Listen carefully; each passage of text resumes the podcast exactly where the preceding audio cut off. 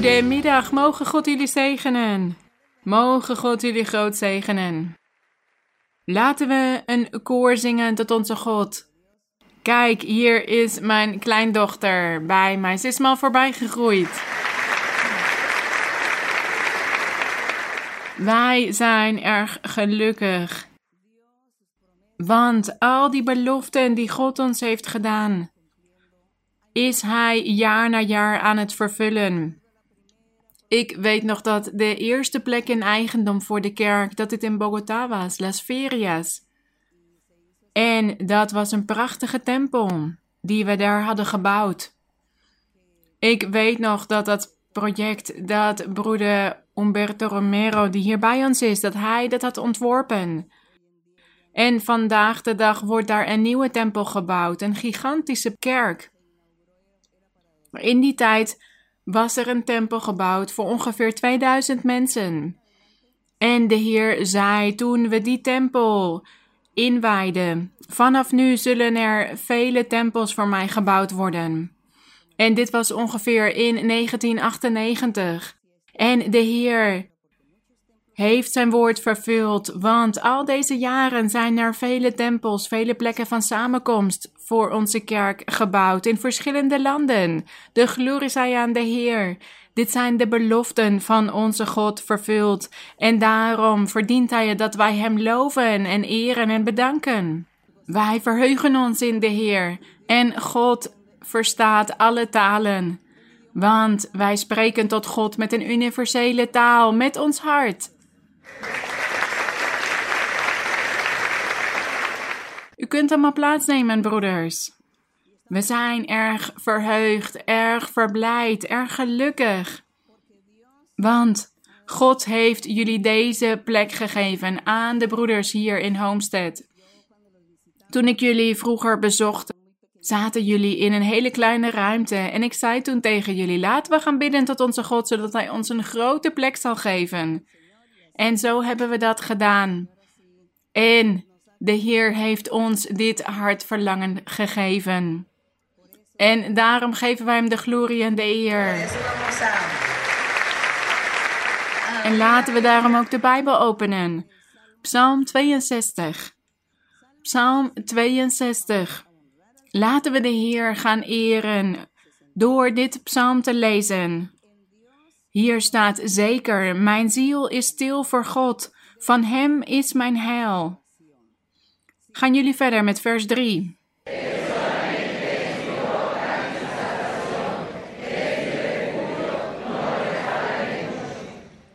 Ja, wij vertrouwen dus op onze God.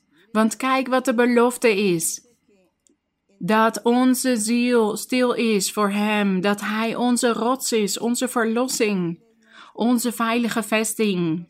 En dat wij Hem niet zullen falen. We zullen niet al te zeer wankelen. We zullen niet bezwijken of struikelen. Want God zal bij ons zijn om ons bij te staan. Hij is onze steun. Vers 4.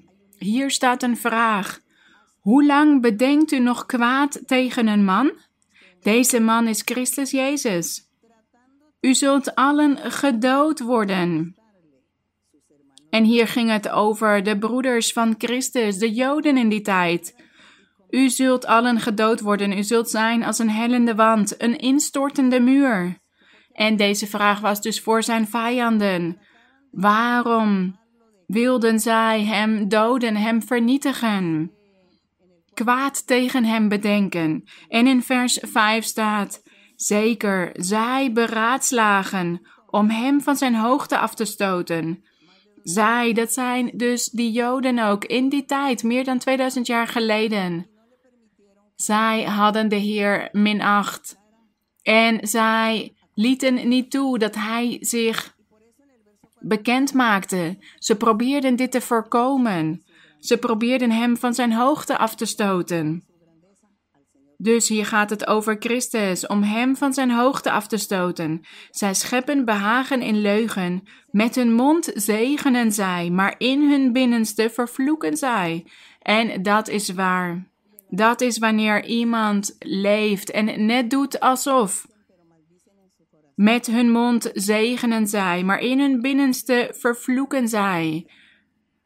Dus dan heeft die persoon wellicht een religieuze theorie. En zijn er veel regels, wetten, bepalingen, verplichtingen voor die persoon, geloof, tradities. En vele geboden worden ook verzonnen, geboden van de mensen. En die personen voelen zich dan erg godsdienstig, erg religieus. En ze denken dat ze God dienen. En dat zij een geloofsleer beleiden, een ware geloofsleer. En ze doen net alsof ze heilig zijn en veel weten. En ze verkondigen dit. Maar in hun binnenste en in hun persoonlijk leven zijn ze ver weg van God. Want die personen doen net alsof en ze proberen die geboden van mensen te vervullen. Maar ze kijken niet naar de geboden van God. Ze kijken alleen wat een bepaalde godsdienst hen voorschrijft, maar hun hart is ver weg van God. En zo gebeurde dat in die tijd met de Joden. Zij zeiden dat zij de wet van Mozes in acht namen en dat ze die vervulden. En zij bekritiseerden de Heer Jezus Christus omdat hij bepaalde dingen niet deed, bepaalde tradities, bepaalde gewoonten die de ouderlingen hadden bedacht. En de Heer Jezus deed hier niet aan mee en daarom werd hij bekritiseerd door hen. Maar deze Joden die leiders deden net alsof ze erg heilig waren en erg wijs. En alsof ze alles op een juiste, oprechte manier deden voor God. En daarom was de Heer zo boos op hen. En zei hij tegen hen dat zij een vervloekt geslacht, geslacht waren, dat ze leugenaars waren en adderengebroed. En daarom zei hij ook: Met hun mond zegenen zij, maar in hun binnenste vervloeken zij. En dit was in die tijd. Maar het gebeurt vandaag de dag ook. Mensen uit verschillende godsdiensten. Die zeggen dat zij in hem geloven, maar. Zij zetten de ware God aan de kant, want zij hebben hem niet in hun eigen leven. Zij zijn tevreden met hun eigen regels, met hun eigen geboden en ze vergeten de Bijbel. Zij lezen de Bijbel niet meer, want ze zeggen dat de Bijbel ouderwets is geworden. De Bijbel wordt minacht vandaag de dag. En zo zijn er dus vele mensen die zich religieus noemen, godsdienstig. Maar ze lezen de Bijbel niet, ze hebben een eigen geloofsleer verzonnen. Kennis wat betreft God en ze hebben theorieën en filosofieën die ze aan hun mensen onderwijzen, aan hun gelovigen. En daarom zien we dat er geen waarden in hen zijn, geen ontzag voor God, geen respect voor het leven of voor andere mensen. Wij leven vandaag de dag in een chaos en er is overal gevaar. In onze eigen woning en ook buiten. Er is overal gevaar, maar dankzij God die ons op deze weg heeft gebracht, Hij is onze rots, Hij is onze verlossing, onze veilige vesting. Maar als wij God niet zouden hebben, dan zouden wij, dan zou ons hetzelfde overkomen als allen die Hem niet kennen. Vele calamiteiten, natuurrampen, verschrikkelijke dingen die we ook op het nieuws zien gebeuren. Want dat zijn de aanvallen van de duivel. Maar God heeft ons toegestaan dat wij zijn weg hebben leren kennen. Maar de rest van de mensheid, ze zijn koppig, opstandig, grillig en ze zijn zonder God. Ze hebben God niet. En wat verwacht God dus van ons? Omdat al deze verschrikkelijke dingen gebeuren op de aarde en vele mensen God hebben verlaten. Hij verwacht van ons dat wij die verkondigers zijn, die predikers, dat wij de mensen onderwijzen om ontzag voor God te hebben en op God te vertrouwen, in God te geloven en God te zoeken. Daarom zijn wij hier. Daarom heeft God ons hier in zijn kerk, want Hij heeft een taak voor ons. Hij heeft werk voor ons. En wij hebben veel werk te doen. En daar moeten wij ooit God rekenschap van afleggen. Want waarom heeft God ons deze plek van samenkomst gegeven? Om meer van Hem te leren, om meer te weten, om kracht uit de hoogte te ontvangen, om geestelijke gaven te ontvangen en zo mensen te kunnen evangeliseren. Beginnend bij onze familieleden, buren, vrienden en allen die wij in ons leven tegenkomen. Dat is wat de Heer van ons wil. Niet dat wij ons hele leven hier op een stoel zitten en alleen zijn woord horen, maar Hij wil dat wij allemaal die arbeiders, die medearbeiders van God worden. En dat we tot de mensen gaan spreken over God. En dat we zeggen: Ken God, u moet God leren kennen, zodat God u kan beschermen, zodat God u kan behoeden voor al die kwade, slechte dingen die wij vandaag de dag zien op het nieuws. Daarom zijn wij hier om ons voor te bereiden, om onze God te dienen. Want wij horen ook al die andere mensen die zonder God zijn, lief te hebben. En wanneer wij de psalmen lezen, dan beginnen wij hierover na te denken, zoals we dit vandaag doen.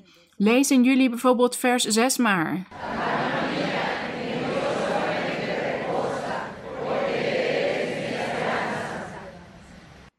Hij nodigt ons zelf uit, onze ziel. Want wie is mijn ziel? Dat is mijn eigen ziel, dat ben ik. Ik ben een ziel.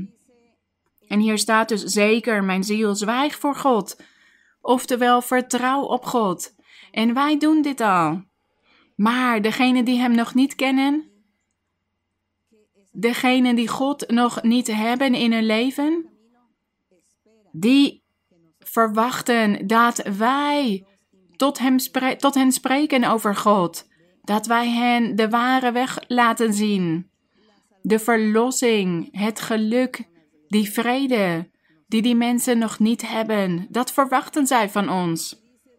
En hier staat, want van hem is mijn verwachting. Vers 7, zeker, hij is mijn rots en mijn heil, mijn veilige vesting, ik zal niet wankelen. In God is mijn heil en mijn eer. Mijn sterke rots, mijn toevlucht is in God. Als wij God in ons leven hebben, dan zullen wij van al deze dingen genieten. Laten we dus tot de mensen spreken, tot de hele mensheid. Laten we met hen ook delen dat deel wat wij van God hebben ontvangen. Laten we dat met hen delen. Want anderen hebben dit ook nodig. Lees in jullie vers 9.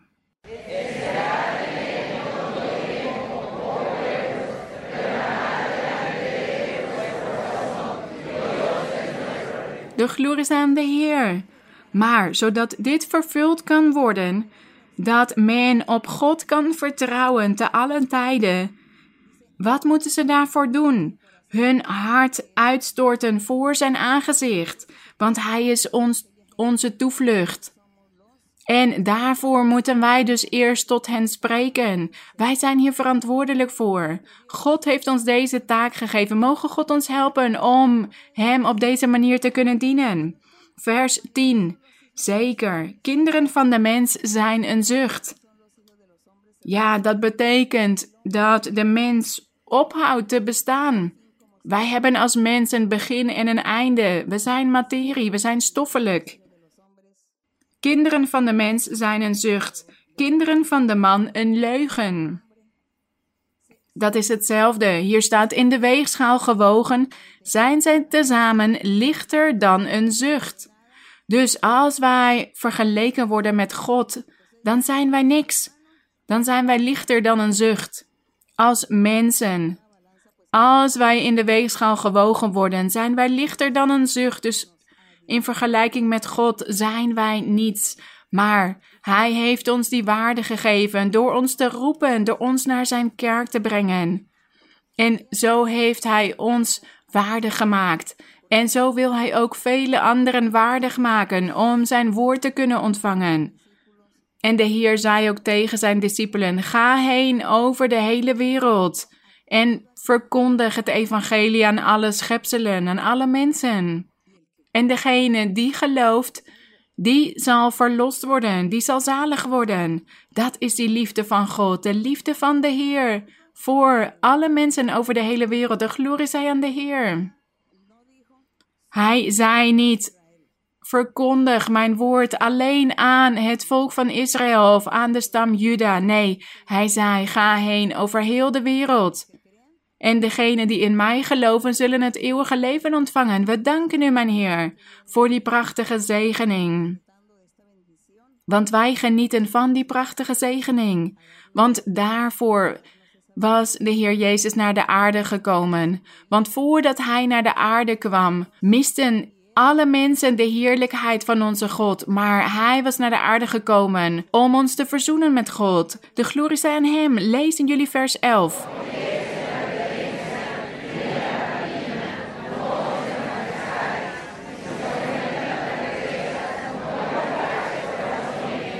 Dit betekent dat wij ons hart niet op de materiële dingen in ons leven moeten zetten.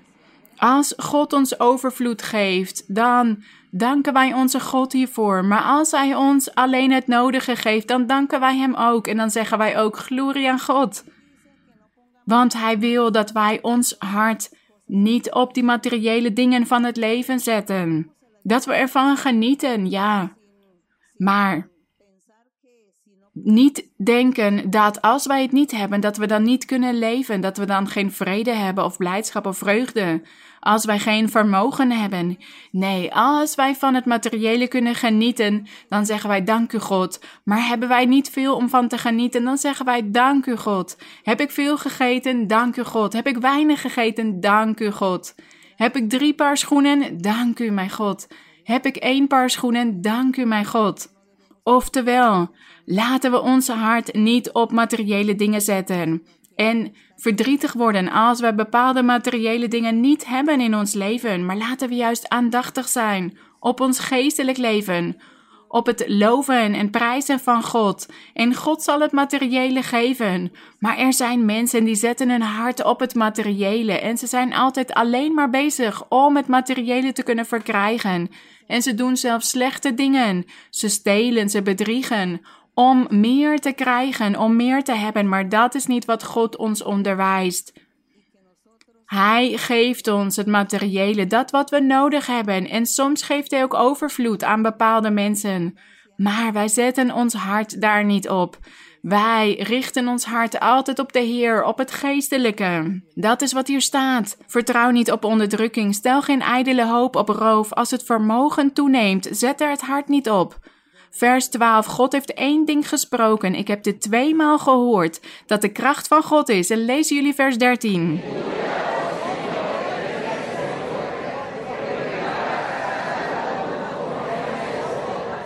Dit zijn beloften van onze God. Laten wij die nooit vergeten. Hier staat ook de goede tierenheid is van u, heren, want u zult een ieder vergelden naar zijn werk. En daarom moeten wij goede werken doen, goede daden, God dienen, voor God werken met geestelijke gaven op een volmaakte manier, om zo God te kunnen dienen. En wij moeten leren over de weg van God. En hoe leren wij die?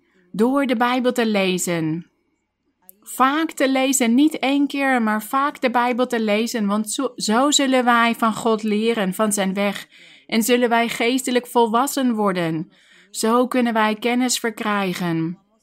En zo krijgen we dan langzamerhand steeds meer kennis.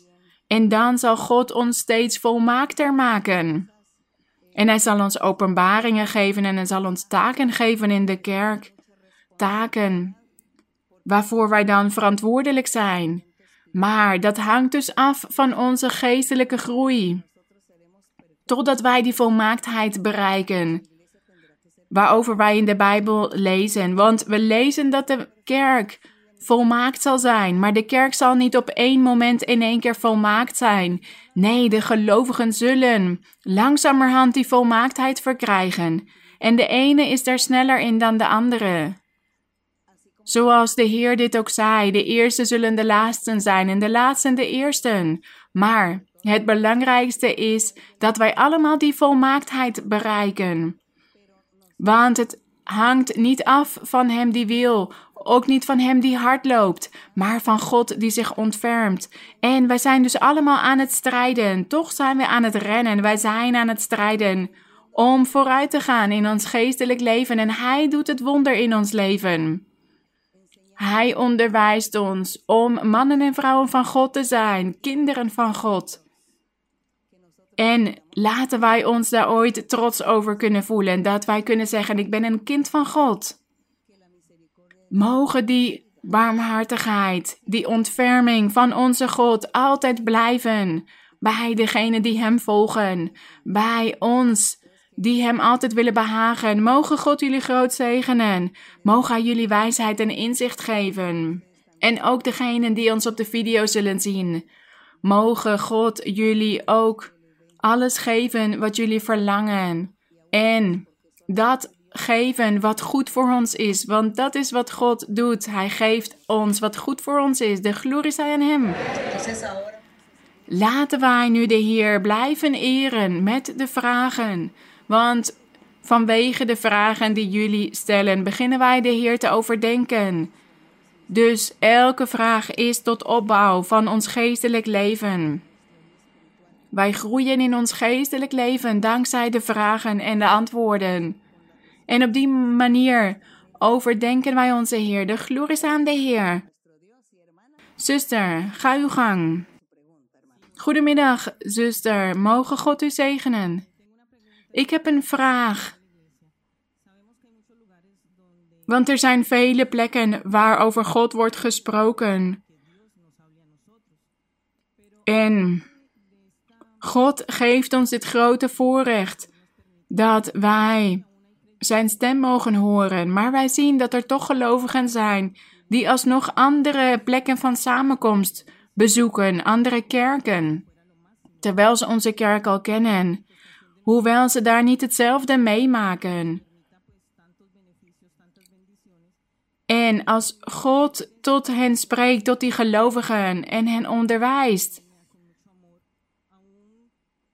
proberen wij het hen ook uit te leggen wat de Heer van ons wil. Maar zij geven altijd een antwoord en zeggen: Ja, God is overal. Maar we weten dat God zich niet overal op eenzelfde manier openbaart. En ik wil graag dat u ons vandaag onderwijst. Want deze gelovigen gaan dus naar andere plekken toe. Maar wij weten dat dit de plek is die God heeft uitgekozen om ons te zegenen, om tot ons te spreken. En op die andere plekken wordt alleen over God gesproken, maar hij spreekt niet naar hun hart. Goed, de zuster zegt dat het gaat over gelovigen die de kerk al kennen, toch? Die ook profetie hebben geluisterd. Goed, er zijn dus mensen die ontvangen profetie, ze luisteren profetie. Maar laten we gedenken dat het God is die toestaat dat een persoon gelooft of niet gelooft. Want dat hangt af van het plan dat God heeft met die man of die vrouw. Daarom zegt God ook: velen zijn geroepen, maar weinigen uitverkorenen. Maar God doet dit. Hij weet wie dit zijn. Dus er komen vele mensen naar de kerk toe. En onze plicht is om mensen uit te nodigen om over God te spreken en om profetie te geven. En als God dus een plan heeft met die persoon, God wil dat die persoon zich bekeert tot God, dan zorgt Hij ervoor dat die profetische boodschap die hij voor de eerste keer ontvangt, dat dit hem overtuigt, dat dat woord diep in zijn hart geworteld raakt. En zo blijft die persoon dan naar de kerk toe komen. Maar als God geen plan heeft met die persoon, als God die persoon niet in zijn plan van verlossing heeft, omdat hij het wellicht niet verdient, dat weten wij niet dan kan het zijn dat hij naar de kerk toe komt en profetie luistert, maar dan weer weggaat naar andere kerken, andere plekken, andere gemeenten, omdat hij niet tevreden was over wat hij hier heeft meegemaakt. Maar laten wij ons hier geen zorgen over maken, want wij hebben zelf geen woorden om anderen te overtuigen. Wij kunnen andere mensen niet overtuigen. De enige die dit kan doen is God, de Heilige Geest. Het enige wat wij doen is getuigen van onze eigen ervaringen. Ik ben hier en ik ben hier gelukkig en ik heb gezien dat God wonderen verricht en dat Hij mij heeft genezen. En Hij heeft mij vrede en geluk gegeven. Daar getuigen wij van. En als er dan mensen profetie ontvangen, dan is het God die handelt. En God gaat om met die persoon. Als die persoon dan niet meer terugkomt, laten we daar ons geen zorgen over maken. Dit gebeurt heel vaak. Maar als God een plan heeft met die persoon, dan zal hij na een tijd die persoon dromen gaan geven of een bepaalde ervaring, zodat die persoon weer terugkomt naar de kerk. Dit hebben we ook vaak gezien. Maar meer kunnen wij niet doen. Als mensen kunnen wij niet meer doen. Wij spreken gewoon over God en wij nodigen mensen uit voor de kerk. Dat is wat wij doen. Goed, een volgende vraag. Zuster, mogen God u zegenen? Ik ben erg verheugd en ik bied er mijn excuses aan voor mijn gebrek aan welsprekendheid. Maar ik dank u dat u hier bij ons bent voor deze prachtige Bijbelstudie. En ik wil graag twee versen lezen. De eerste staat in Matthäus 16, vers 17. Matthäus 16, 17. En Jezus antwoordde en zei tegen hem: Zalig bent u, Simon Barjona, want vlees en bloed hebben u dat niet geopenbaard, maar mijn Vader die in de hemelen is. En ik zeg u ook dat u Petrus bent, en op deze Petra zal ik mijn gemeente bouwen, en de poorten van de hel zullen haar niet overweldigen. En het tweede vers staat in 1 Timotheus Hoofdstuk 1, vers 12. En ik dank Hem die mij kracht gegeven heeft, namelijk Christus Jezus, onze Heere, dat Hij mij trouw geacht heeft toen Hij mij een plaats gaf in de bediening. Mijn vraag is, zuster, ik help mee aan de vertalingen. En we willen graag op een getrouwe en perfecte manier alle woorden vertalen. En wij zien hier bijvoorbeeld in het eerste vers dat Petrus, de naam Petrus, dat dat steen betekende of rots. En in het andere vers lazen we over de bediening. En ik wil u graag vragen, in andere talen, hoe kunnen wij over de bediening spreken? Want soms wordt u in het Spaans ook het ministerie of de bediening genoemd. Maar wat is het juiste woord hiervoor? Goed, wellicht is het in het Spaans dat wij het woord ministerie gebruiken. En als mensen mij het ministerie noemen, dan gaat het eigenlijk over die bediening die ik van God heb ontvangen. Want de bediening is het werk of de taak die iemand van God ontvangt. Dus als iemand de gave van handoplegging heeft gekregen, dan kunnen we over hem zeggen: U hebt de bediening van handoplegging. En als er iemand anders is die de gave van profetie heeft ontvangen en profeteert in de kerk, dan kan die persoon zeggen: Ik heb de bediening van profetie. Dat is hetzelfde als dat we zeggen: Ja, in de kerk geef ik profetie. Of ik heb de gave van profetie ontvangen. Dat is de bediening van die persoon. Dus de bediening, dat is al het werk wat een persoon doet voor God. En soms zeggen de broeders en zusters tegen mij dat ik het ministerie of de bediening ben. Dan zeggen ze het eigenlijk alsof het met een hoofdletter geschreven zou worden. Maar dan bedoelen ze het werk dat God mij heeft gegeven. Dat werk dat, ja, veel dingen omvat. Dus niet alleen profeteren of handoplegging, ook bidden voor genezing of voor het verbreken van bezweringen, onderwijzen, verkondigen. Al dat werk samen, dat is de bediening die iemand heeft. Dus we kunnen niet zeggen dat ik tien bedieningen heb. De bediening van handoplegging, de bediening van profiteren. Nee.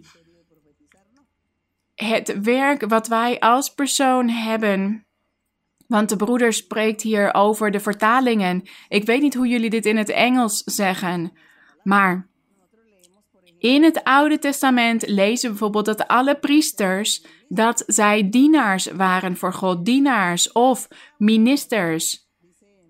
Volgens de oorspronkelijke betekenis van het woord, dienaars. Want zij dienden God.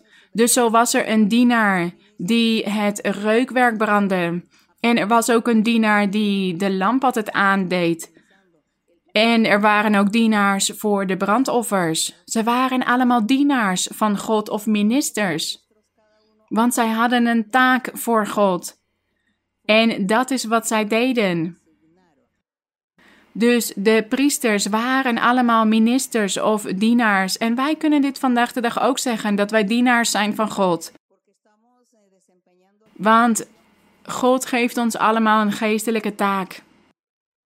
Dat is het. En in het Nieuwe Testament lezen we over verschillende functies die mensen kunnen hebben. De apostel Paulus was bijvoorbeeld erg gelukkig vanwege de plaats die God hem had gegeven in de bediening. Dat is wat hij zei. En wat was zijn bediening? De apostel Paulus was apostel, profeet, prediker, leraar en ook een herder. Hij had al die verschillende functies. Dat was zijn bediening. Dat was zijn plaats die God hem had gegeven in de bediening en daarom dankte hij God in dat vers dat u hebt gelezen. Dus dat is het, het ministerie of de bediening. Degenen die profeteren hebben ook een bediening, degenen die hand opleggen, degenen die voor de zieken bidden. Dat is dat we God dienen. Goed, als er iemand nog een vraag over heeft, dan kan hij hier meer over zoeken. Hier over dit onderzoeken, over dit woord, bediening of ministerie. Ja, broeder. Mijn excuses, zuster, om het nu zeker te weten. Dus in het Engels bijvoorbeeld, zouden we dan zeggen, als we het over u hebben, de bediening of het ministerie? Of zouden we dan zeggen, bijvoorbeeld, geestelijk leidster van de kerk? Wat is beter? Ja, ik denk geestelijk leidster of leidster van de kerk. Ik denk dat dat beter te begrijpen is. Dat is beter te begrijpen voor de mensen, ja. Goed, dank u, zuster. Ja, de vertalingen naar andere talen, dat is soms niet makkelijk. Dat is erg moeilijk. De Bijbel is ook vertaald vanuit het Hebreeuws en het Grieks. En er zijn vele woorden die wij, waar wij intelligentie voor nodig hebben om dit te kunnen begrijpen. En daar moeten we ook voor bidden tot God, want die vertalingen, dat is erg moeilijk, de vertalingen naar andere talen. Maar ook al is dit moeilijk, de essentie van de geloofsleer is volmaakt. De essentie blijft gelijk de geloofsleer van God, de aanwezigheid of het handelen van God in ons leven, dat blijft gelijk en dat is volmaakt. Of er nou fouten zijn in de vertalingen of niet. Laten we doorgaan met een andere vraag. Good evening, my beloved sister Maruisa. Uh, may God continue to bless you and also all my brothers and sisters here in attendance and those that will be watching on the video. God bless you all as well. Um, before I ask my question, I would just like to express my gratitude on how grateful and thankful I am for the Lord uh, bringing me to this beautiful place. Goedenavond, zuster. Mogen God u zegenen. U en iedereen die hier aanwezig is. En ook degenen die ons op de video zullen zien. Voordat ik mijn vraag stel, wil ik graag God bedanken dat Hij mij naar deze prachtige plek heeft gebracht. And each time I read the scripture, sister, I thirst for the living waters of his truth. Um, I have a question that I would like to ask you, if you allow me, please. En elke keer dat ik de Bijbel lees, voel ik die dorst voor dat levende water, het woord van de Heer. Ik wil u graag een vraag stellen over de Bijbel. Uh, my question is in Genesis chapter 6, verse 1 through 6, which it speaks about the wickedness and judgment of man. Mijn vraag gaat over Genesis hoofdstuk 6, vers 1 tot en met 6. waar het gaat over dat de mensen slecht begonnen te worden. En over de zondvloed. Ik zal het voor u lezen. Genesis 6, vers 1. En het gebeurde toen de mensen zich op de aardbodem begonnen te vermenigvuldigen en er dochters bij hen geboren werden, dat Gods zonen de dochters van de mensen zagen dat zij mooi waren. En zij namen zich vrouwen uit allen die zij uitgekozen hadden. Toen zei de Heere, mijn geest zal niet voor eeuwig met de mens twisten, omdat ook hij vlees is, maar zijn dagen zullen 120 jaar zijn. In die dagen en ook daarna waren er reuzen op de aarde, toen Gods zonen bij de dochters van de mensen waren gekomen en die kinderen voor hen baarden. Dit zijn de geweldenaars van oude tijden af, mannen van naam. En de Heere zag dat de slechtheid van de mens op de aarde groot was, en dat al de gedachtespinsels van zijn hart elke dag alleen maar slecht waren. Vers 6. Toen kreeg de Heere er berouw over dat hij de mens op de aarde gemaakt had, en het bedroefde hem in zijn hart. And the my question is, sister, is who were these sons of God? Were they angels? And were some of them Satan's angels? And the reason why I ask this um, question is because if we go to Genesis chapter 3, 14 and 15, Zuster, mijn vraag is of deze zonen van God, wie waren dit? Waren dit engelen? En waren er ook engelen van de duivel onder hen? En ik stel deze vraag, want als we naar Genesis hoofdstuk 3 gaan, vers 14 en 15. Mag ik lezen? Ja, broeder. Vers 14. Toen zei de Heere God tegen de slang: Omdat u dit gedaan hebt, bent u vervloekt onder al het vee en onder alle dieren van het veld. Op uw buik zult u gaan en stof zult u eten, al de dagen van uw leven. Vers 15: En ik zal vijandschap teweegbrengen tussen u en de vrouw, en tussen uw nageslacht en haar nageslacht. Dat zal u de kop vermorzelen, en u zult het de hiel vermorzelen. and um, the Lord here is speaking to Satan when he was announcing his punishment for the temptation and fall of man. I, and I hope I'm correct. Um, so, for, verse 15 um, is very specific to my question in Genesis 6 because I want to know if um, these angels were sent, um, or these sons of God were sent from the serpent or Satan to contaminate the woman's womb from what God is speaking here about between your seed and her seed. And was that a way for Satan to try to stop our Lord and Savior Jesus Christ coming to save us? And um, that's my question, sister. I thank you so much for being here and all those that are accompanying with you. And God bless you and God bless everyone that's here. Zuster, mijn vraag is, wat betreft vers 15 in hoofdstuk 3, waar het gaat over die vijandschap tussen de vrouw en de duivel en tussen het nageslacht en haar nageslacht. En wat we dus in hoofdstuk 6 hebben gelezen over de zonen van God en de dochters van de mensen. Of die zonen van God, of dit dus engelen waren. En dat de duivel hen naar de aarde had gestuurd om de baarmoeder van de vrouwen te verontreinigen. En dat ze daarom gingen zondigen. Dat is mijn vraag, zuster. Mogen God u groot zegenen. Goed. Tussen mensen en geesten is er geen verbintenis, geen fysieke verbintenis.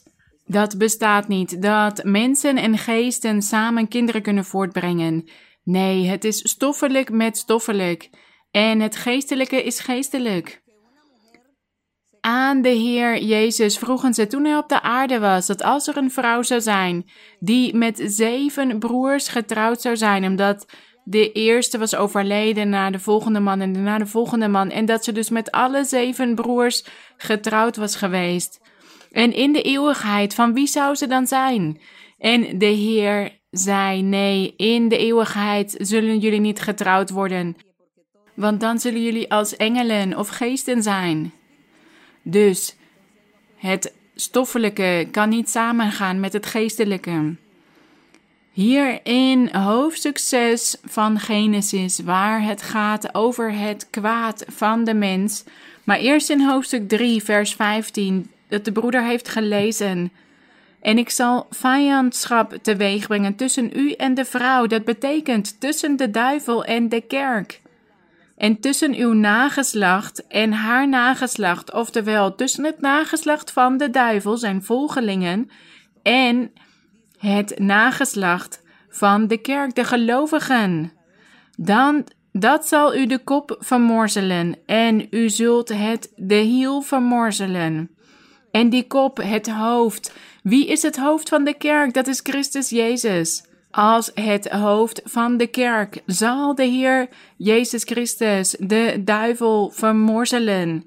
En wat kon de duivel de Heer aandoen? Het enige wat hij hem kon aandoen was de hiel vermorzelen. Dus hij kon hem niet veel schade aanrichten. En wanneer is dit vers vervuld?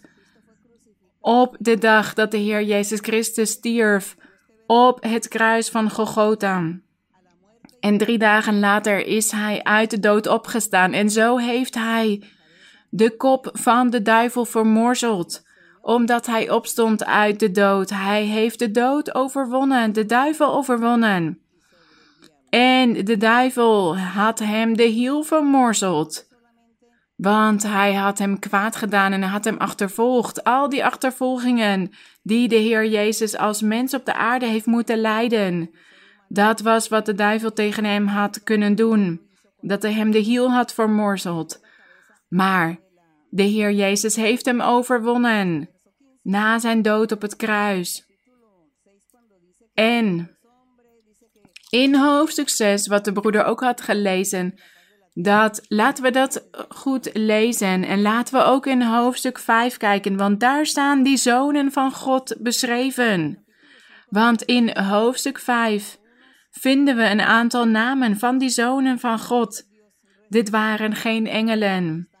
Dit waren zonen van God, mensen op de aarde.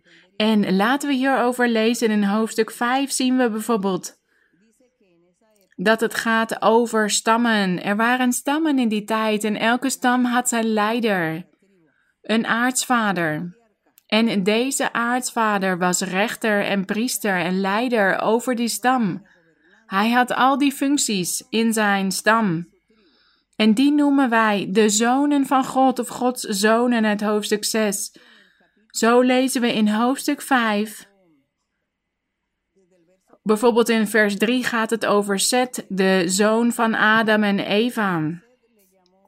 En in vers 6 staat dat Seth Enos verwerkte. En in vers 9 Enos verwekte Kenan. Vers 12, Kenan verwekte Mahalaleel. Vers 15, Mahalaleel verwekte Jeret. En vers 18, Jeret verwekte Henoch. En in 21, Henoch verwekte Methuselah. En in vers 25, Methuselah verwekte Lamech. En vers 29, lezen we over Noach, de zoon van Lamech. En zij waren al die zonen van God. Zij waren leiders over hun stam. En God had gewild dat zij in hun, binnen hun eigen familie zouden trouwen, binnen hun eigen stam, zodat ze zich niet zouden verontreinigen met de mensen buiten hun stammen. Want er waren al vele mensen op de aarde in die tijd en ze waren allemaal in zonde aan het leven. Ze waren allemaal afgodendienaars geworden. En ze begingen vele zonden voor God. En God wilde niet dat zijn zonen zouden trouwen met die vrouwen die afgodendienaressen waren, die vol afgoderij waren en onreinheid en gruwelijkheden. Hij wilde niet dat zij verontreinigd zouden worden met hen. En hier staat dus in hoofdstuk 6, vers 1: Het gebeurde toen de mensen zich op de aardbodem begonnen te vermenigvuldigen en er dochters bij hen geboren werden, dat Gods zonen de dochters van de mensen zagen dat zij mooi waren. Ze waren mooi, maar ze waren afgodendienaressen. En zij namen zich vrouwen uit allen die ze uitgekozen hadden, en zo zijn ze zelf ook afgodendienaars geworden. En deze aartsvaderen, waar we dus over gelezen hebben, Jered, Henoch, Methuselah, zij waren die leiders van die stammen, maar al die stammen werden verontreinigd vanwege de huwelijken die zij aangingen met vrouwen buiten hun stammen. En daarom werd God toornig op hen en stuurde hij uiteindelijk de zondvloed op hen af om hen te vernietigen. En we lezen dat alleen Noach het overleefde, omdat hij genade had gevonden in de ogen van God. Noach werd gered door God. Want God zag het goede in hem. Hij was een oprecht man. Alleen hij en zijn familie bleven over. Dus het waren geen engelen, Gods zonen hier in hoofdstuk 6. Het waren geen engelen die met de dochters van de mensen trouwden. Nee, het, deze Gods zonen, dit waren die aartsvaderen, belangrijke personages die God altijd had uitgekozen, sinds het begin der tijden. Want hij had sinds het begin der tijden bepaald dat de Heer Jezus Christus geboren zou worden als mens op de aarde, dus hij moest uit een stam voortkomen. Uit zijn eigen volk. Daarom had God een volk uitgekozen. Maar Noach was dus de enige van deze aartsvaderen die de zondvloed overleefde. En we lezen dat daarna de aardbodem weer werd gevuld met vele mensen, maar dat ze toch weer in zonde gingen leven. En ze verlieten allemaal de weg van God, totdat God Abraham riep. Abraham was ook een aartsvader. Hij was van het geslacht van Noach. En God begon op die manier zijn volk te vormen met Abraham, zodat zij niet meer verontreinigd zouden worden. Maar we kunnen dus niet zeggen dat een geest ging trouwen met een mens om kinderen voor te brengen. Dat is niet waar, dat is niet logisch, dat is niet werkelijk. Dan zou de Heer Jezus zichzelf tegenspreken in zijn onderrichten. Dus, dit waren Gods zonen. En ja, er waren er vast nog veel meer dan degene die hier in hoofdstuk 5 zijn opgenoemd. We weten niet precies hoeveel mensen er in die tijd leefden. Het waren allemaal klannen. Zij leefden allemaal samen. Dus lees goed deze hoofdstukken, Genesis 3, 4, 5 en 6, en dan zullen jullie het goed begrijpen. Goed, laten we verder gaan. Uh, good afternoon, everyone. Uh, thank you, Sister Maria Luisa, for being here. Um, good afternoon, brothers and sisters. Uh, promise from God that I would be asking you a question. Um, I feel very blessed and very fortunate. I've only been uh, gathering in this church for under a year, and uh, first time to be able to meet you and, and see you face to face. So I feel very privileged to do so. Goedemiddag, zuster. En goedemiddag iedereen. Mogen God jullie allemaal zegenen. Ik voel me erg gelukkig en bevoorrecht dat ik hier mag staan. Ik ben sinds iets minder dan een jaar in de kerk. En dit is de eerste keer dat ik voor u sta. En daarom voel ik mij bevoorrecht. Um, my, uh, my question comes from two scriptures uh, 2 Samuel 24, verse 1 and 2, and 1 Chronicles 21, verse 1 and 2. It's the senses of David. Mijn vraag is gebaseerd op twee Bijbelversen. De eerste is in 2 Samuel, hoofdstuk 24, vers 1 en 2. 2 Samuel, 2 Samuel 24, vers 1 en 2. Ja, broeder. In vers 1 staat: De toorn van de Heere ontbrandde opnieuw tegen Israël. Hij zette David tegen hen op door te zeggen: Ga Israël en Juda tellen. Vers 2. Toen zei de koning tegen Joab, de legerbevelhebber, die bij hem was: Trek de grond door alle stammen van Israël, van Dan tot Berseba, en tel het volk, zodat ik het aantal mannen van het volk weet. En in Eerste Kronieken, Eerste Kronieken, hoofdstuk 21, vers 1 en 2. Hier staat, toen stond de Satan op tegen Israël en hij zette David ertoe aan om Israël te tellen. David zei tegen Joab en tegen de leiders van het volk, ga Israël tellen van Berseba tot Dan toe en breng mij de uitslag, zodat ik hun aantal weet. Uh, sister, I, I would like to for you to just explain a little bit more in detail uh, two things. When we read the scriptures um, and we we read or or we live our lives, and sometimes things happen. Um, how can we have better discernment or in the scriptures or in our life to know whether or not you know God has withdrawn from us or if it's a attack, a demonic attack? Uh, and then my second question, very similar to it, is what was David's sin? Zuster, ik wil graag dat u ons uitlegt. Wanneer wij de Bijbel lezen of ook in ons dagelijks leven, hoe kunnen wij onderscheiden dat er iets gebeurt vanwege onze eigen zonden, dat God ons heeft verlaten of dat dit aanvallen van de duivel zijn? En mijn tweede vraag is: wat was de zonde van David? De broeder heeft twee versen gelezen waarover mensen soms zeggen dat er een tegenstrijdigheid ingeschreven staat. Want in het ene vers staat dat het God was die David had aangezet om het volk te tellen. En in de andere versen staat dat het de duivel was die David had aangezet om het volk te tellen. Die versen heeft u gelezen, toch?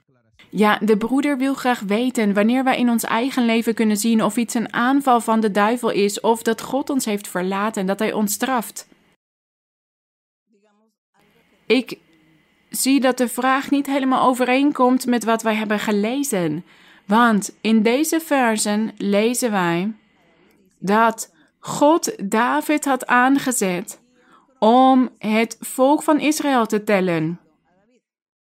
En in het andere vers staat dat het de duivel was geweest. Maar dit is geen tegenstrijdigheid. Want wanneer God bijvoorbeeld iemand gaat zegenen, wanneer hij iemand gaat zegenen, dan gebruikt hij daar middelen voor om die persoon een zegen te geven. En God kan dan zeggen: Ja, ik heb jou die zegen gegeven. Of hij kan zeggen: Ik heb die of die persoon aangezet om jou een geschenk te geven. En de persoon zegt dan: Ja, hier was een zuster gekomen en zij heeft mij een cadeau gegeven. Maar de persoon kan dan ook zeggen: God heeft mij een cadeau gegeven. Zonder te vermelden wie God daarvoor heeft gebruikt. Want God heeft dan die persoon gebruikt om ons te zegenen. En dat is wat er hier ook was gebeurd. Want hier staat dat God David had aangezet om het volk te tellen. Maar hoe deed hij dit? Hij had de duivel hiervoor gebruikt. Hij had de duivel toestemming gegeven om David aan te zetten om het volk te tellen. Maar God had tegen David gezegd dat hij zijn volk, zijn leger niet hoefde te tellen, want hij zou de strijden, de oorlogen niet winnen door het zwaard of paarden of legers, maar door de geest van God, door de kracht van God. En daar moest hij op vertrouwen, want de kracht van God zou hem de overwinning schenken in alle oorlogen. En omdat hij hier het volk ging tellen, zo liet David zien dat hij God begon te wantrouwen. Want hij dacht: ja, ik moet weten hoeveel soldaten ik heb, want anders kan ik wellicht de strijd niet winnen. En dat was zijn zonde. Dat was die zonde die hij had begaan. Want God had gezegd dat hij op hem moest vertrouwen. En we lezen dat God hem had gestraft, want God had de pest op hen afgestuurd en duizenden zijn toen overleden. En het was de duivel dus geweest die David hiertoe had aangezet. Maar God had dit allemaal toegestaan, want hij wilde het volk straffen.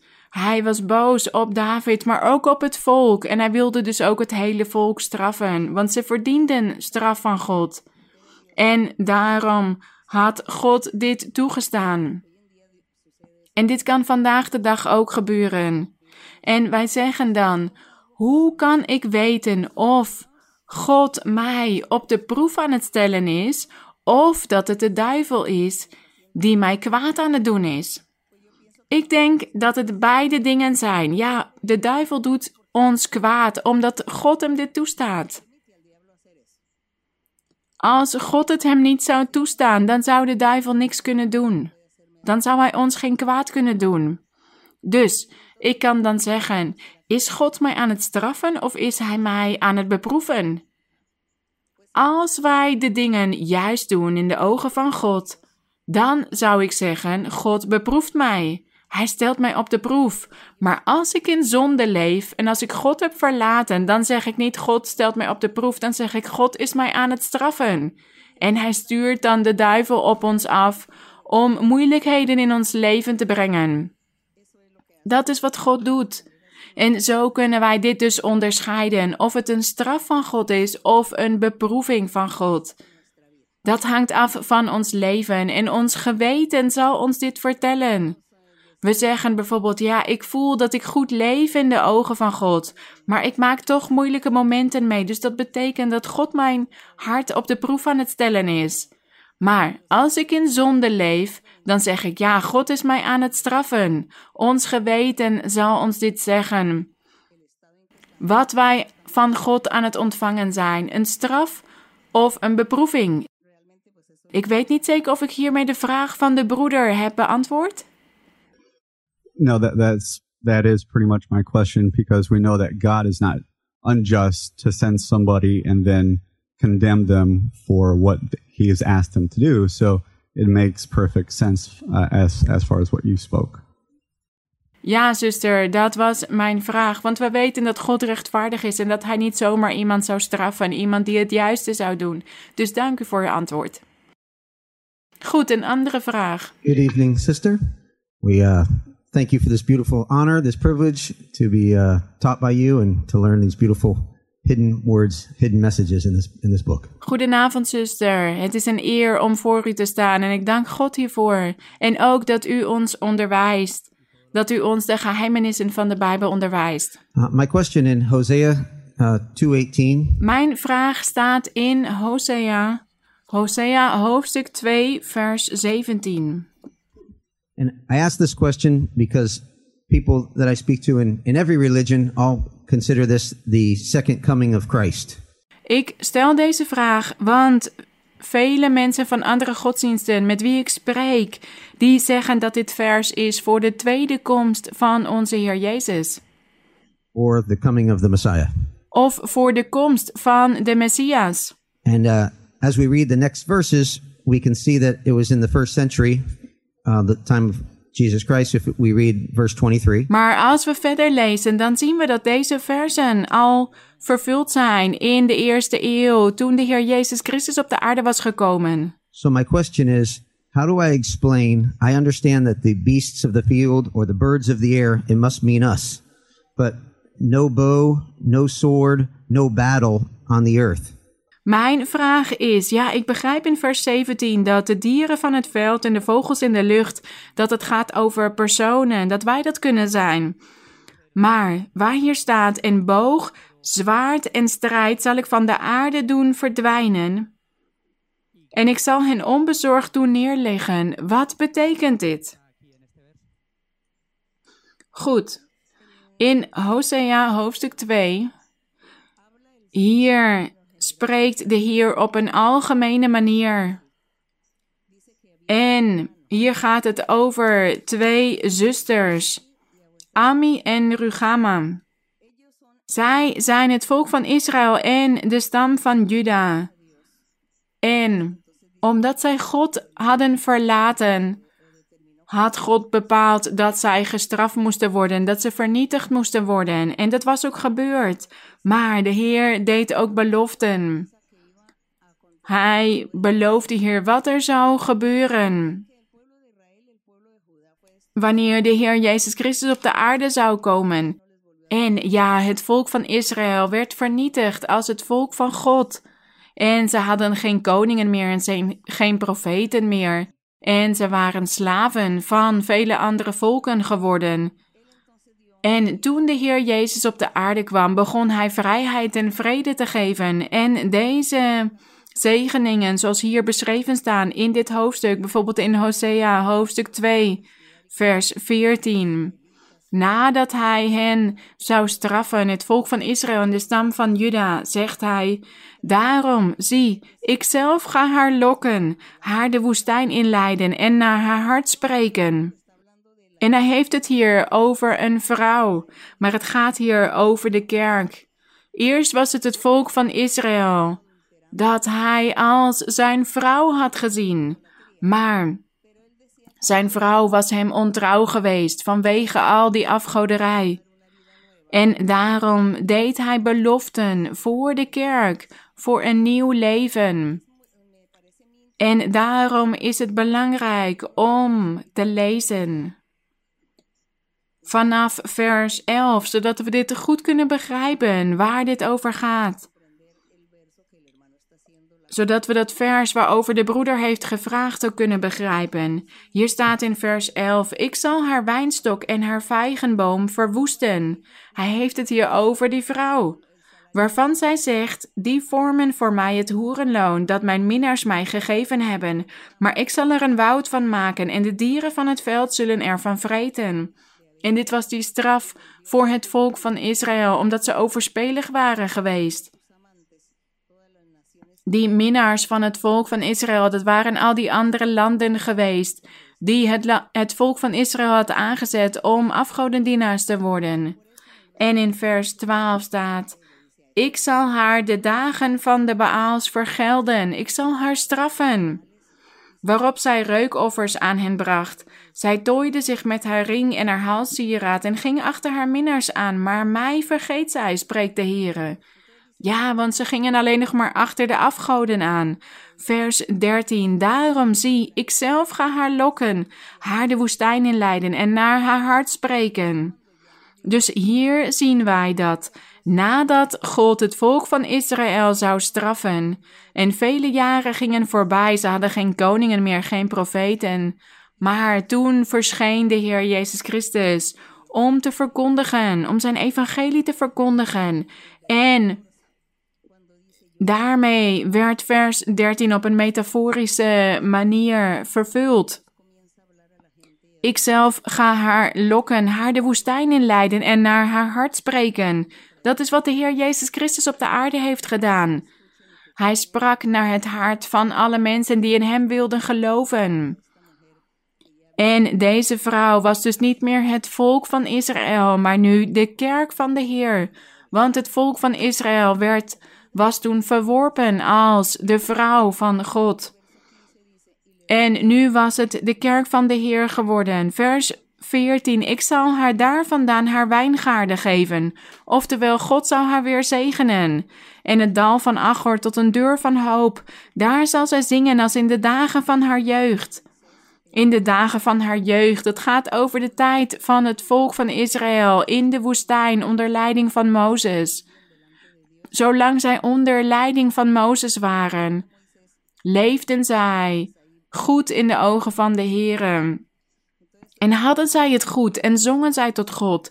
Maar nadat Mozes was overleden, begonnen ze het slechte te doen. Dus hier staat: Daar zal zij zingen als in de dagen van haar jeugd, als op de dag dat zij wegtrok uit het land Egypte. Op die dag zal het gebeuren, spreekt de Heere, dat u mij zult noemen mijn man en mij niet meer zult noemen mijn Baal. Dus hier staat, op die dag zal het gebeuren, spreekt de Heere, dat u mij zult noemen mijn man, oftewel mijn echtgenoot. God zou een man voor hen zijn, een echtgenoot. De Heer Jezus Christus zou met de kerk gaan trouwen. Dus hij zou niet meer een baal voor hen zijn, maar juist hun man. Vers 16. Dan zal ik de namen van de Baals uit haar mond wegdoen, van die afgoden.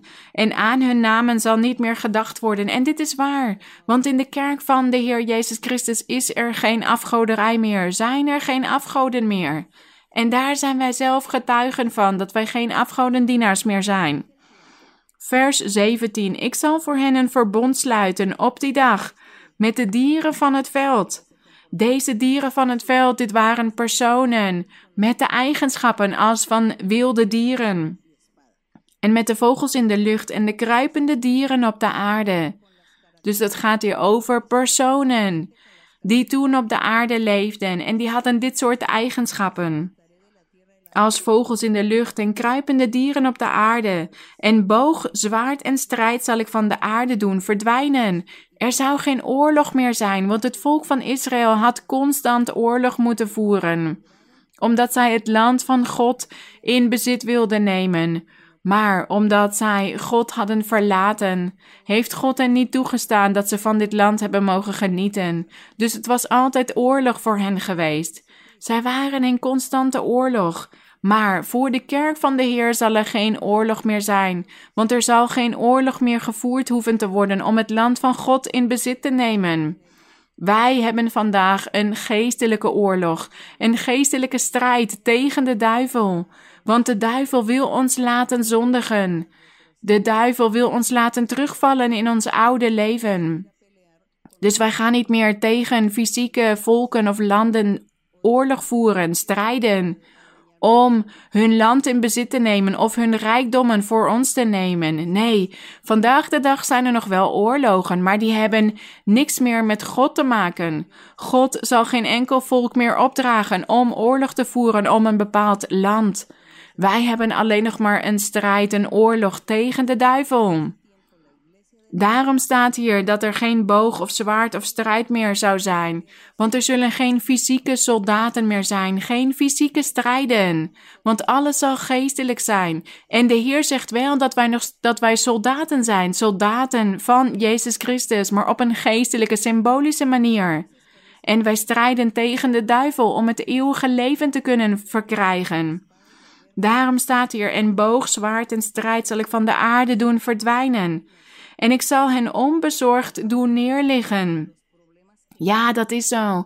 Want er kunnen veel problemen om ons heen zijn. Maar wij liggen onbezorgd neer, omdat God ons veilig doet wonen. Hij is onze rots, onze veilige vesting, onze troost, onze toevlucht, onze schuilplaats.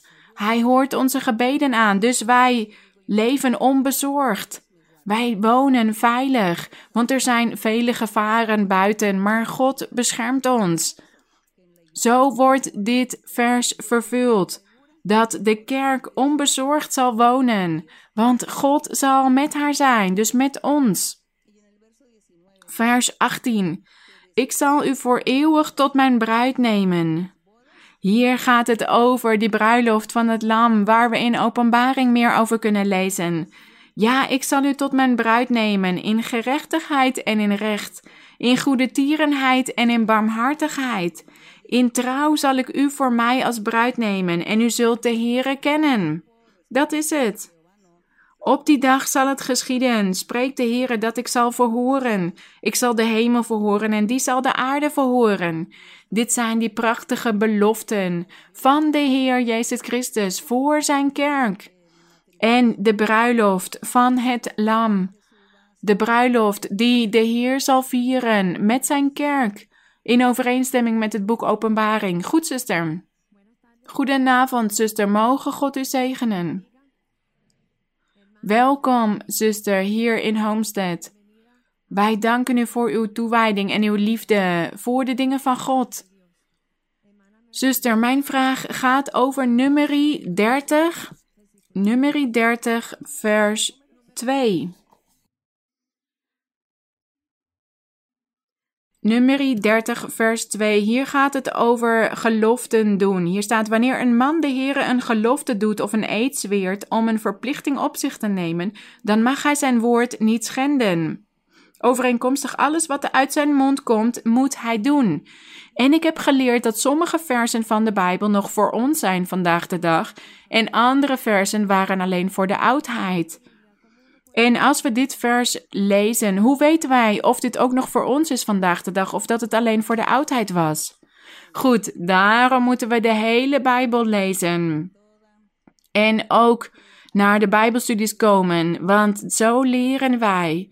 Zo leren wij wat wij vandaag de dag nog steeds moeten beoefenen en wat wij niet meer beoefenen. Bijvoorbeeld hier gaat het over die geloften. In die tijd van de oudheid deden mensen geloften aan God vanwege bepaalde dingen in hun leven, bepaalde gebeurtenissen. Maar zij moesten doen wat ze God beloofden, want anders zou God hen straffen. We hebben bijvoorbeeld het voorbeeld van Jefta, van die man die Jefta heette. En die had gezegd dat als God hem de overwinning van de strijd, in de strijd zou geven, dat het eerste wat naar buiten zou komen uit zijn huis, dat hij dat aan de Heer zou offeren. En toen hij thuis kwam na de overwinning, kwam zijn dochter als eerste naar buiten, hem tegemoet. En hij had dus die gelofte aan God gedaan. Zijn enige dochter kwam toen naar buiten. En hij moest dus zijn dochter aan God geven. En wat betekent dit? Dat zij nooit heeft mogen trouwen. Zij heeft geen kinderen mogen krijgen.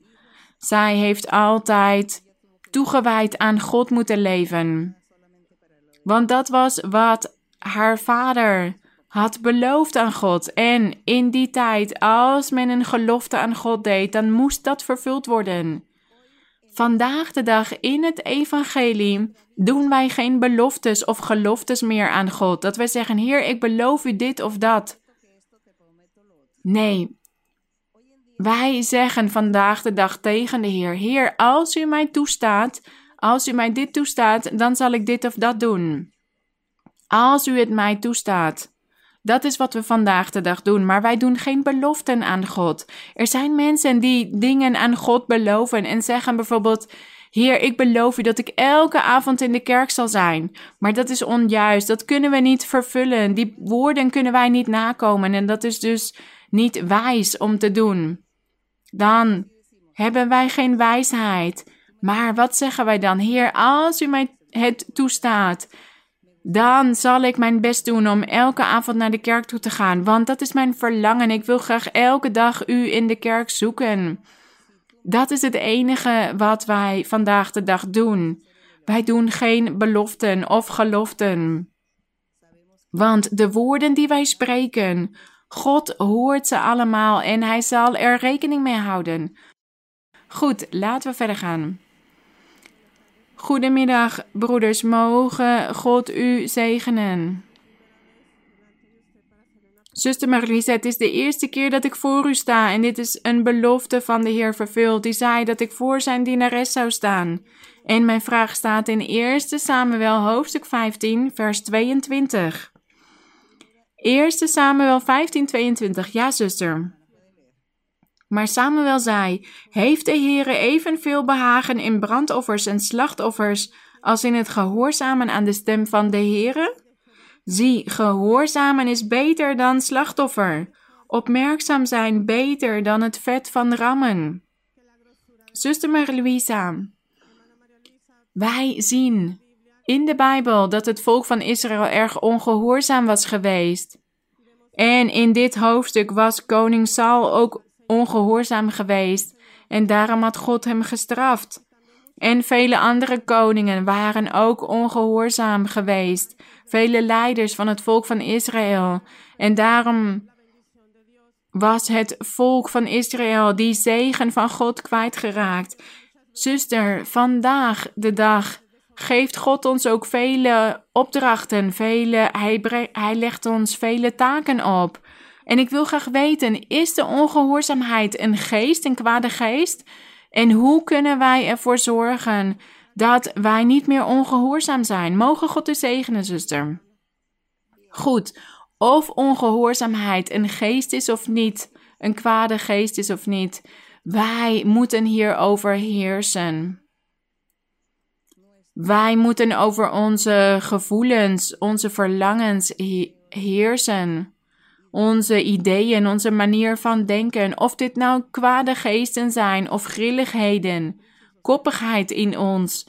Maar God zegt tegen ons dat wij hierover moeten heersen. We moeten over ons lichaam, ons vlees heersen. Onze tendenties, onze neigingen. Wij kunnen hierover heersen. God zei bijvoorbeeld tegen Kain toen Kain Abel had gedood. Toen vroeg God aan Kain wat hij had gedaan. En God zei toen tegen hem: De zonde ligt aan de deur. Hij zei tegen Kain: De zonde ligt aan de deur, maar u moet hierover heersen. De mens is het die toestaat dat de zonde binnenkomt in het hart van iedereen of niet. Wij hebben die kracht of wij zijn in staat om hierover te heersen. Dus of het nou een kwade geest is of een zwakheid in ons vlees, we kunnen nee zeggen. We kunnen hier nee tegen zeggen. En wat kunnen we zeggen over de ongehoorzaamheid? Is dat een geest, vraagt de zuster, of wat kunnen wij doen om God te gehoorzamen? Want God draagt ons vele dingen op vandaag de dag. God draagt ons vele dingen op, ja, maar vaak begrijpen wij die dingen niet. Wij begrijpen niet echt wat God van ons wil. God spreekt door ons door profetieën. En wij bewaren die beloften in ons hart. En wij denken hierover na. En wij zeggen: Ik weet niet wanneer dit vervuld zal worden, of wat wil de Heer hiermee zeggen? Maar er zijn dingen die wij gewoon moeten doen. Wat zegt God tegen ons? Ga door. Lees de Bijbel. Wees oprecht. Wees verstandig. Haal die wraak, die boosheid uit je hart. Raak niet verbitterd. God of de Heilige Geest geeft ons altijd raad. Hij vertelt ons altijd wat wij horen te doen. En op die manier kunnen wij Hem gehoorzamen. Als wij kennis hebben, kunnen wij God gehoorzamen. Als ik weet, als ik kennis heb van wat God van mij wil, en als ik dit begrijp, dan doe ik hier moeite voor. Dan doe ik er de moeite voor om in God te geloven, om op God te vertrouwen. En Zijn wil te doen, Hem te gehoorzamen. En als ik zeg, ja, ik heb de Heer in bepaalde dingen niet kunnen gehoorzamen, dan zeg ik tegen de Heer: Heer, geef mij die kans, of geef mij die tijd, of geef mij de middelen om dit te doen wat u mij hebt opgedragen. Want ik heb dit nog niet gedaan omdat ik de tijd nog niet heb gehad of de middelen. En zo laten wij aan God zien dat wij weten wat Hij ons heeft, heeft opgedragen maar dat wij bijvoorbeeld de kans niet vinden of de manier om dit te doen. Dat we zeggen: Ik weet niet hoe ik dit moet doen, waar moet ik beginnen? Ik begrijp het niet. Maar we houden er wel rekening mee, we denken erover na. En we zeggen tegen de Heer: Ja, ik weet dat ik dit voor u moet doen. Bijvoorbeeld dat God tegen ons zegt: Wees verstandig, gebruik geen slechte woorden. Wees niet boos. En we kunnen dan tegen God zeggen: God, u hebt tegen mij gezegd dat ik niet meer boos moet zijn. Dat ik mij niet moet laten leiden door mijn boosheid. Of dat ik niet die slechte woorden moet gebruiken. En ik probeer te veranderen, maar het lukt mij niet. Help mij. Help mij om mij te veranderen, want het lukt mij niet alleen. Dat is wat we dan tegen God kunnen zeggen om niet ongehoorzaam te zijn, zoals deze Bijbelse personages waarover we kunnen lezen. Want de gevolgen zijn dan fataal. En daarom hebben we vandaag de dag de Heilige Geest in ons midden om ons al deze dingen in herinnering te brengen. Hij zegt altijd hetzelfde tegen ons in profetie. Dus wij hebben een grote hulp. Wij hebben een grote steun deze dagen in vergelijking met vroeger. Want de Heilige Geest sprak niet tot hen allemaal. Vandaag de dag spreekt de Heilige Geest tot ons allemaal. En hij helpt ons om vooruit te gaan. Goed, nog twee laatste vragen vandaag. Zuster Marie-Louisa, wij zijn vandaag hier aan het vieren met de Heer vanwege uw aanwezigheid. We zijn erg verheugd. Mijn vraag is persoonlijk, zuster. Want als ik spreek over onze kerk, als ik tegen andere mensen zeg dat God hier spreekt door middel van de gave van de profetie, dan zeggen zij tegen mij, van andere gemeenten, zeggen ze ja, hier ook. In mijn gemeente ook. De pastoor geeft profetie vanaf de preekstoel. Maar zeg dan tegen die mensen: bij ons is het niet alleen de pastoor, maar iedereen kan de gave van profetie ontvangen.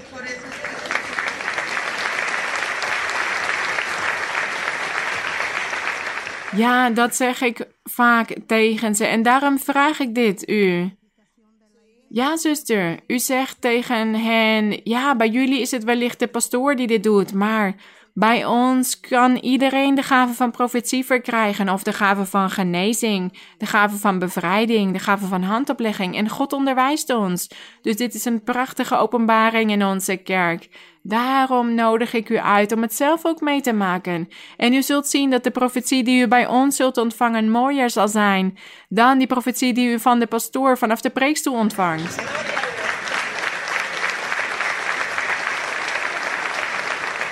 Ja, zuster, zo zeg ik dit tegen hen. Ik spreek tot hen over de geestelijke gaven. En dat ook de profetie individueel is. Niet voor iedereen hetzelfde. Maar zij zeggen ook dat God hen ook gebruikt om tot anderen te profeteren. En dat zij ook profetie geven aan andere mensen die de gaven niet hebben.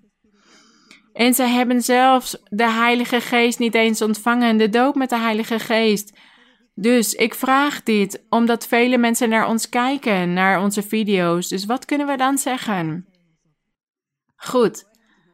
Het gaat hier niet zozeer om de profetie in de kerk, maar juist de vrede en het geluk dat wij vinden in de Heer. En dat moeten wij de mensen onderwijzen. We moeten de mensen onderwijzen dat het niet zozeer gaat om de profetie. Dat we zeggen, ja, wij ontvangen ook profetie. Maar God verandert ons ook en Hij geeft ons een nieuw leven. Want het gaat niet alleen maar om een profetie en dat de pastoor of de prediker een algemene profetie geeft. En dat eigenlijk niemand weet voor wie precies het is. Want het is een heel, op een heel algemene manier. Maar wat gebeurt er in onze kerk? Dat God spreekt over het verborgene van ieders hart. Als er iemand is die zijn leven zich wil afnemen, dan zegt God tegen hem: Doe dit niet, want ik zal je de blijdschap en de vreugde geven, een nieuw leven. En tegelijkertijd neemt hij die tendentie uit hem weg. Want de profetie is niet alleen maar dat God tot iemand spreekt en dat hij zegt: Ja, je bent boos en je wil je eigen leven wegnemen om die persoon te vermanen. Nee, God spreekt dit tot hem en tegelijkertijd neemt hij die kwade geest uit hem weg. Hij bevrijdt hem van die gedachten en van die verlangens om zijn eigen leven af te nemen. Dus hij spreekt niet, God spreekt niet alleen tot de persoon, maar hij bevrijdt de personen ook van die problemen, van die moeilijkheden. Dat is de profetie. Dus profetie is niet zozeer dat God tegen u zegt: ja, u zult geld ontvangen en u zult gaan reizen. Nee, de profetie is wanneer u bijvoorbeeld verdriet hebt, of verbitterd bent, of ziek bent. Dan gaat God tot u spreken over die dingen. En hij kan u wellicht geld beloven of reizen. Maar hij geeft u ook bevrijding, genezing in uw lichaam. Hij zegt bijvoorbeeld: je bent verdrietig, of je bent ziek, of mensen hebben bezweringen over je uitgesproken en daarom ben je ziek, maar ik zal je bevrijden. En het prachtigste is dat God die persoon dan ook bevrijdt. Dus het gaat niet alleen maar over beloften voor de toekomst. Nee, de profetie is zodat de persoon zelf bevrijd kan worden, genezen kan worden op het moment dat hij de profetie ontvangt.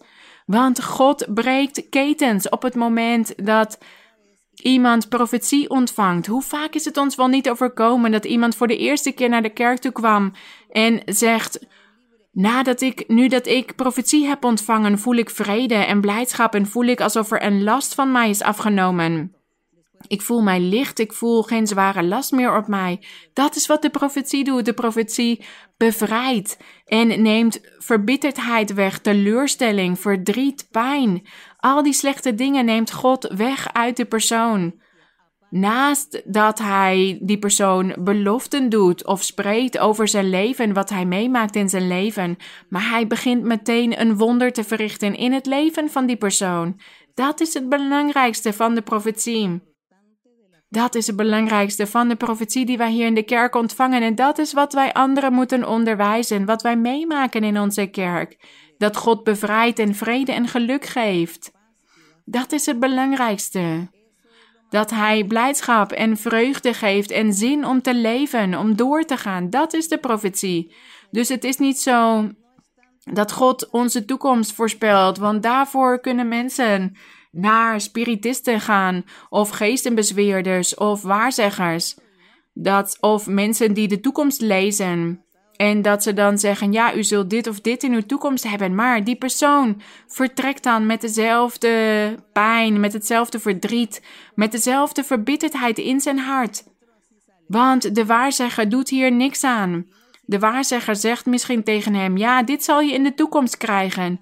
Maar de waarzegger kan niks aan die persoon geven, want dat is God. God is het die reinigt en bevrijdt. Dus op die manier kunnen wij spreken tot de mensen en kunnen wij hen onderwijzen wat het verschil is. Hoe wij waarzeggerij kunnen onderscheiden van de dingen van God. Want als iemand naar een waarzegger gaat en hij is verdrietig, dan zal hij met datzelfde verdriet weer weggaan na zijn bezoek aan de waarzegger. Maar als een persoon naar de kerk toe komt en profetie ontvangt, dan zal hij bevrijd worden en zal hij zich gelukkiger voelen. Ja, zuster. Mogen de Heer u groot zegenen. Zuster, ik heb een vraag. In Exodus hoofdstuk 30, vers 1 en 9. Exodus 30, vers 1 en 9. Ja, zuster. Exodus 30, vers 1. U moet ook een altaar voor het branden van reukwerk maken. Van acaciahout moet u het maken. Vers 9. U mag daarop geen ander reukwerk in rook op laten gaan. Geen brandoffer of graanoffer. En u mag daarop geen plengoffer uitgieten.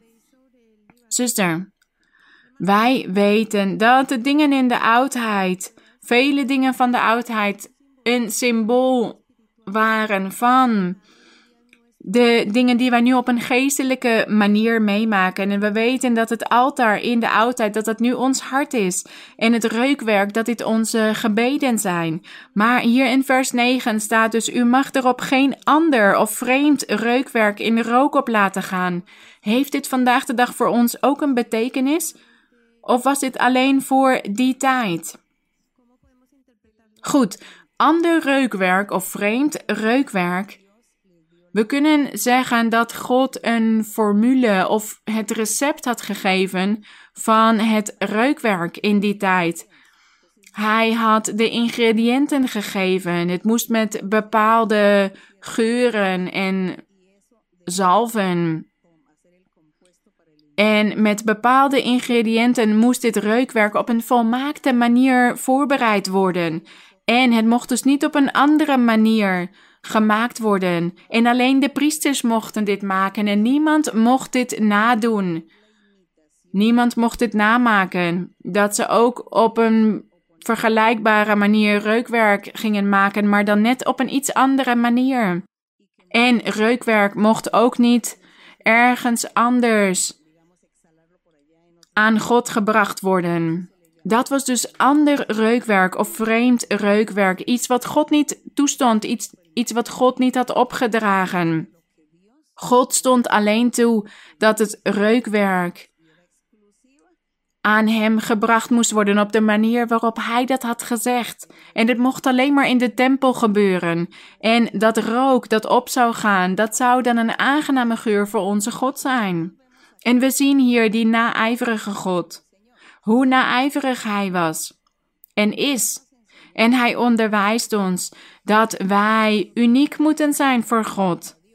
God wilde met het volk van Israël een uniek, exclusief volk voor hem hebben, volmaakt en heilig. Een persoonlijk eigendom dat anders zou zijn dan alle andere volken. God had dit gewild, maar het volk heeft dit niet gedaan. Hun vlees had hen dat niet toegestaan. En wat wil God dus met zijn kerk, met de gelovigen in Christus? Dat zij dat volmaakte, unieke volk zijn voor Hem, exclusief voor Hem. En daarom is God zo naijverig. En Hij wil niet dat men verontreinigd wordt. En vandaag de dag, de gelovigen in de Heer, ja, het reukwerk, dat zijn onze gebeden die wij tot God richten. Maar als ik slecht leef, als ik in zonde leef, slechte dingen doe voor God, dan ben ik dus geen volmaakt of heilig reukwerk voor God. Dan ben ik dingen aan het doen die God mij niet heeft opgedragen of die God niet toestaat. Bijvoorbeeld in deze tijd van het jaar dat Halloween wordt gevierd en in andere landen wordt de Dag van de Doden gevierd. De doden worden vereerd, de dood zelf. En zij eren ook de overledenen en de heiligen in het katholicisme. En ook op 24 en 25 december wordt dan gevierd dat God geboren zou zijn en dat dat gevierd moet worden die dag. Maar dat noemen we allemaal heidendom. Dat zijn heidense feesten, dat is afgoderij.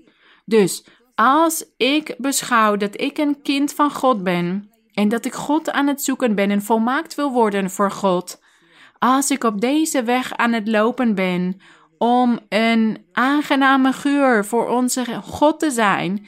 En ik bid tot God, maar tegelijkertijd ga ik dit soort feesten vieren en ga ik de dood vereren, de overledenen aanbidden, de heiligen en al deze zaken. En ook dat feest van Halloween, dat een feest voor de duivel is. Als ik hier aan meedoe, denken jullie dat God dan naar mijn gebed gaat luisteren? God zal dan tegen mij zeggen: Nee, jij bent mij ander reukwerk aan het brengen. Vreemd reukwerk. Jij maakt mij naijverig. Jij maakt mij jaloers. God is naijverig en hij wil niet dat wij ons laten afleiden door deze wereldse heidense dingen, want dan zal Hij onze gebeden niet verhoren. Dan zal Hij geen antwoord geven. Dat is het. Wat betreft het reukwerk. Dus wij moeten ons behoeden en wijs zijn. En als we naar de kerk toe komen, moeten wij uitkijken voor al die feesten en wij moeten juist naijverig zijn, net als God, overtuiging hebben voor de dingen van God. Want wellicht, het kan zijn, ja, dat de man naar de kerk toe komt, maar de vrouw niet. Of de vrouw wel, maar de man niet. Dit soort dingen gebeuren. En de ene wil dan wel aan die feesten meedoen en degene die naar de kerk toe komt niet. Maar jullie moeten dan overtuiging hebben, zodat jullie zelf geen ander reukwerk worden voor God, maar dat jullie juist heilig reukwerk voor God zijn. Wij zullen niet van de honger overlijden als wij niet meedoen aan een bepaalde maaltijd. Want ja, op die dag gaan zij zo'n heerlijke maaltijd nuttigen. Ik wil hier aan meedoen. Nee, ik maak dit wel op een andere dag klaar. Maar ik ga niet op die dag meedoen. En ook die doden vereren of een heilige of de duivel. Nee, ik ga daar niet aan meedoen, want dan ga ik juist God mishagen. En we moeten onze kinderen juist onderwijzen. De jeugd moeten we onderwijzen. Dat zij ook God horen te behagen. Dus als ons kind zegt: Ja, ik wil me graag verkleden. Goed, ik zal je op je verjaardag verkleden. En op je verjaardag mag je je vriendjes en vriendinnetjes uitnodigen. En mogen jullie je allemaal verkleden. En zullen wij, hoe noemen we dit? Snoepjes of lekkernijen uitdelen. Zoetigheden. Dat is het.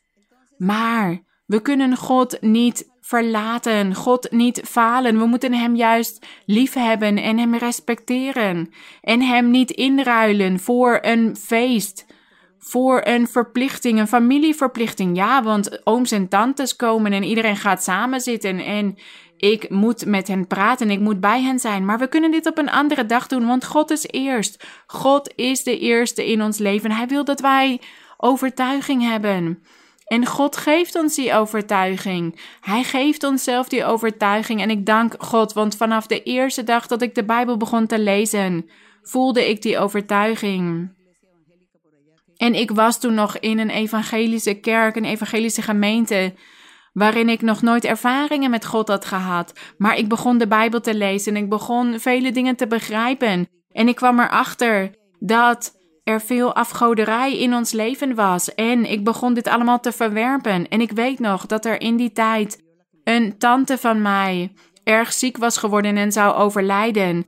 En zij had mij opgevoed, dus zij was mij erg dierbaar. En ik had God gevraagd om haar niet te laten overlijden zonder dat ik daarbij zou zijn.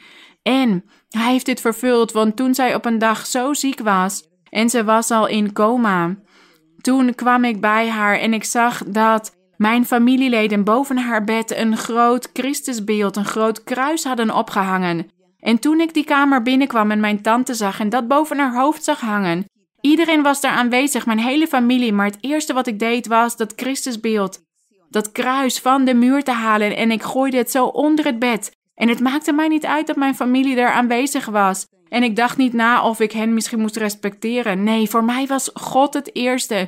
Ik dacht, dit moet ik meteen wegnemen. Ik pakte dat kruis en ik legde dit onder het bed. Dat was wat ik deed en ik knielde voor God neer en ik begon tot God te bidden. En ik vroeg hem om haar mee te nemen, omdat ze zo aan het lijden was. En zo heeft hij dit gedaan. Een half uur later was ze overleden. God heeft mij toen verhoord. En mijn familie. Mijn familieleden, ze waren zo fanatiek in hun godsdienst. Maar niemand zei iets tegen mij. Ze hadden dat gerespecteerd wat ik op dat moment had gedaan. Waarom? Omdat ik gezag had en overtuiging in de Here. Dat is wat zij vast en zeker in mij zagen toen. Wij horen zo te zijn. Maar vandaag de dag zegt iedereen: Oh nee, wat zal mijn moeder zeggen, mijn vader, mijn oom, mijn tante, mijn broers, mijn zussen? Ze zullen mij bekritiseren. Ze zullen mij minachten omdat ik niet meer met hen meedoe vanwege die feesten. Laat ik mij ook maar verkleden, laat ik ook maar meedoen. Maar God houdt u niet van en daarom zegent God u niet. En daarna komen jullie naar de kerk toe en beklagen jullie alles en zeggen jullie: waarom zegent God mij niet? Waarom verhoort Hij mijn gebeden niet? Hij heeft mij al die dingen beloofd, maar ik zie dit maar niet in mijn leven gebeuren. Dit is omdat u God faalt, omdat u niet goed leeft in de ogen van God. Daarom zegent God u niet en daarom verhoort God uw gebed niet. Dus hier is waar we naar moeten kijken. We moeten oprecht zijn voor onze God, exclusief. Want Hij wil een enig volk voor Hem. En weten jullie wat dat betekent, een enig volk? Uniek zijn voor onze God, anders dan de rest. De eer en de glorie zijn aan onze Heer. Laten we gaan bidden. Laten we gaan bidden tot onze God. En laten we Hem ook bedanken om voor deze plek die Hij ons heeft gegeven. Mogen Hij deze plek zegenen en mogen Hij vele mensen naar deze plek toe brengen. Om zich aan hen bekend te maken, zodat zij ook kunnen genieten waar wij van aan het genieten zijn. Laten we bidden. Heilige Vader, krachtige God, Koning van de hemel.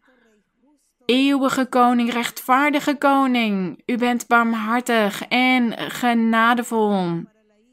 U bent geduldig. U bent krachtig. Gezegend bent u, mijn Heer. Gezegend zij uw naam tot in alle eeuwigheid. Wij loven u en wij geven u de glorie en de eer.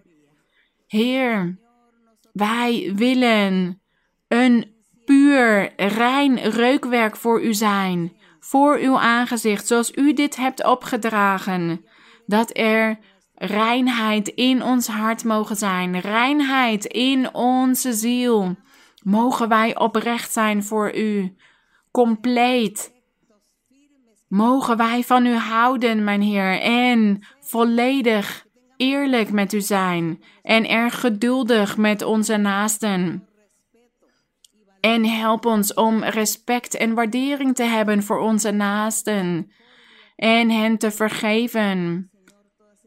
Geef ons al die kwaliteiten, zodat u onze gebeden kunt verhoren, mijn Heer, zodat onze gebeden als rook op kunnen gaan tot u. Heer, ik dank u vandaag dat u ons deze plek hebt gegeven, deze ruimte om uw naam te loven, om uw naam te verheerlijken. Wij danken u, mijn Heer, voor deze plek. Wij danken u, eeuwige God. Want u kent en u kende ons hart toen wij in die vorige plek waren, die klein was en waar we ongemakkelijk waren. Maar wij hadden de hoop dat u deuren van zegeningen voor ons zou openen. Om plekken te hebben waar we samen kunnen komen met veel gemak, met veel comfort. En zodat onze gebeden naar u op kunnen gaan. Als dit rook van het reukwerk. En dat wij hier van u kunnen leren, van uw weg, van uw woord. Dat oprechte leven dat wij moeten leiden, mijn Heer, onderwijs ons dat.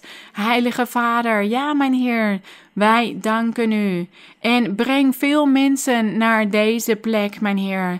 Maak hen voorspoedig op hun weg. Help hen. En zegen elke man, elke vrouw, elke oudere, elk kind dat naar deze plek toe komt. En strek uw krachtige hand uit om te genezen, om te bevrijden, om kwalen en ziekten weg te nemen. Neem al die zwakheden weg uit het fysieke lichaam. En genees al die organen in het lichaam van iedereen. Bevrijd.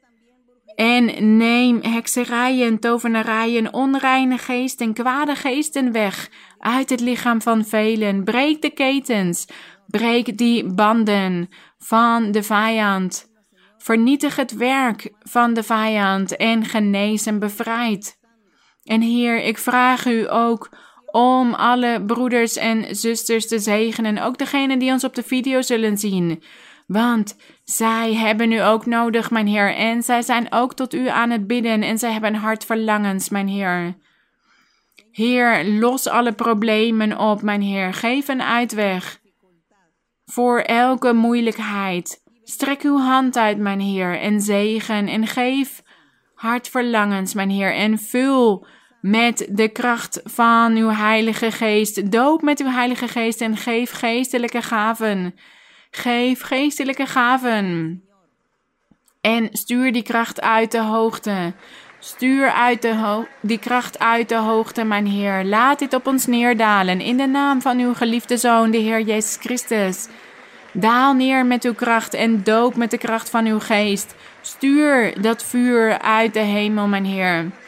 Vuur uit de hoogte, kracht uit de hoogte. Stuur die kracht naar ons, mijn Heer. Bekleed iedereen met die kracht. Bekleed iedereen met geestelijke gaven. Geef die geestelijke gaven in volmaaktheid, mijn Heer. Neem al het kwaad weg. En geef uw zegening, mijn Heer. Breek de ketens, breek de ketens en verbreek die banden, mijn Heer. Die ketens waardoor velen vastgebonden zijn, valstrikken van de duivel. En stuur uw vuur uit de hemel. Wij danken u, mijn Heer, wij danken u, mijn Heer. De lofuitingen zijn aan u. De lofuitingen zijn aan u. De glorie en de eer zijn aan u, mijn Heer. Gezegende Heer, krachtige Heer. Almachtig is de koning van Israël. Krachtig. Krachtig is de koning van Israël. Herleef uw werk te midden van de jaren. Herleef uw werk, mijn Heer. De glorie zij aan u, de kerk is van u, mijn Heer. De glorie zij aan de koning, de glorie zij aan mijn Heer. Stuur uw kracht, mijn Heer. Stuur uw geestelijke kracht, uw geestelijke gaven. Stuur die kracht uit de hoogte, mijn Heer. Daal neer met dat hemelsvuur. Stuur uw kracht, mijn Heer. De glorie is aan de koning, de glorie zij aan u, mijn Heer. Wij danken u, de heilige van Israël. Groot bent u, de allerheiligste, mijn Heer. De glorie zij aan u, mijn Heer. De glorie zij aan u tot in alle eeuwigheid. Groot bent u, Heere. Lovenswaardig, mijn Heer. Zeer te prijzen. Wij danken u, mijn Heer, voor uw zegeningen. De glorie zij aan de Heer. Wij danken onze Heer. Wij danken onze God. De glorie en de eer zij aan Hem. Dank jullie wel, broeders en zusters. Mogen God jullie groot zegenen. Dank jullie wel. Mogen God jullie zegenen.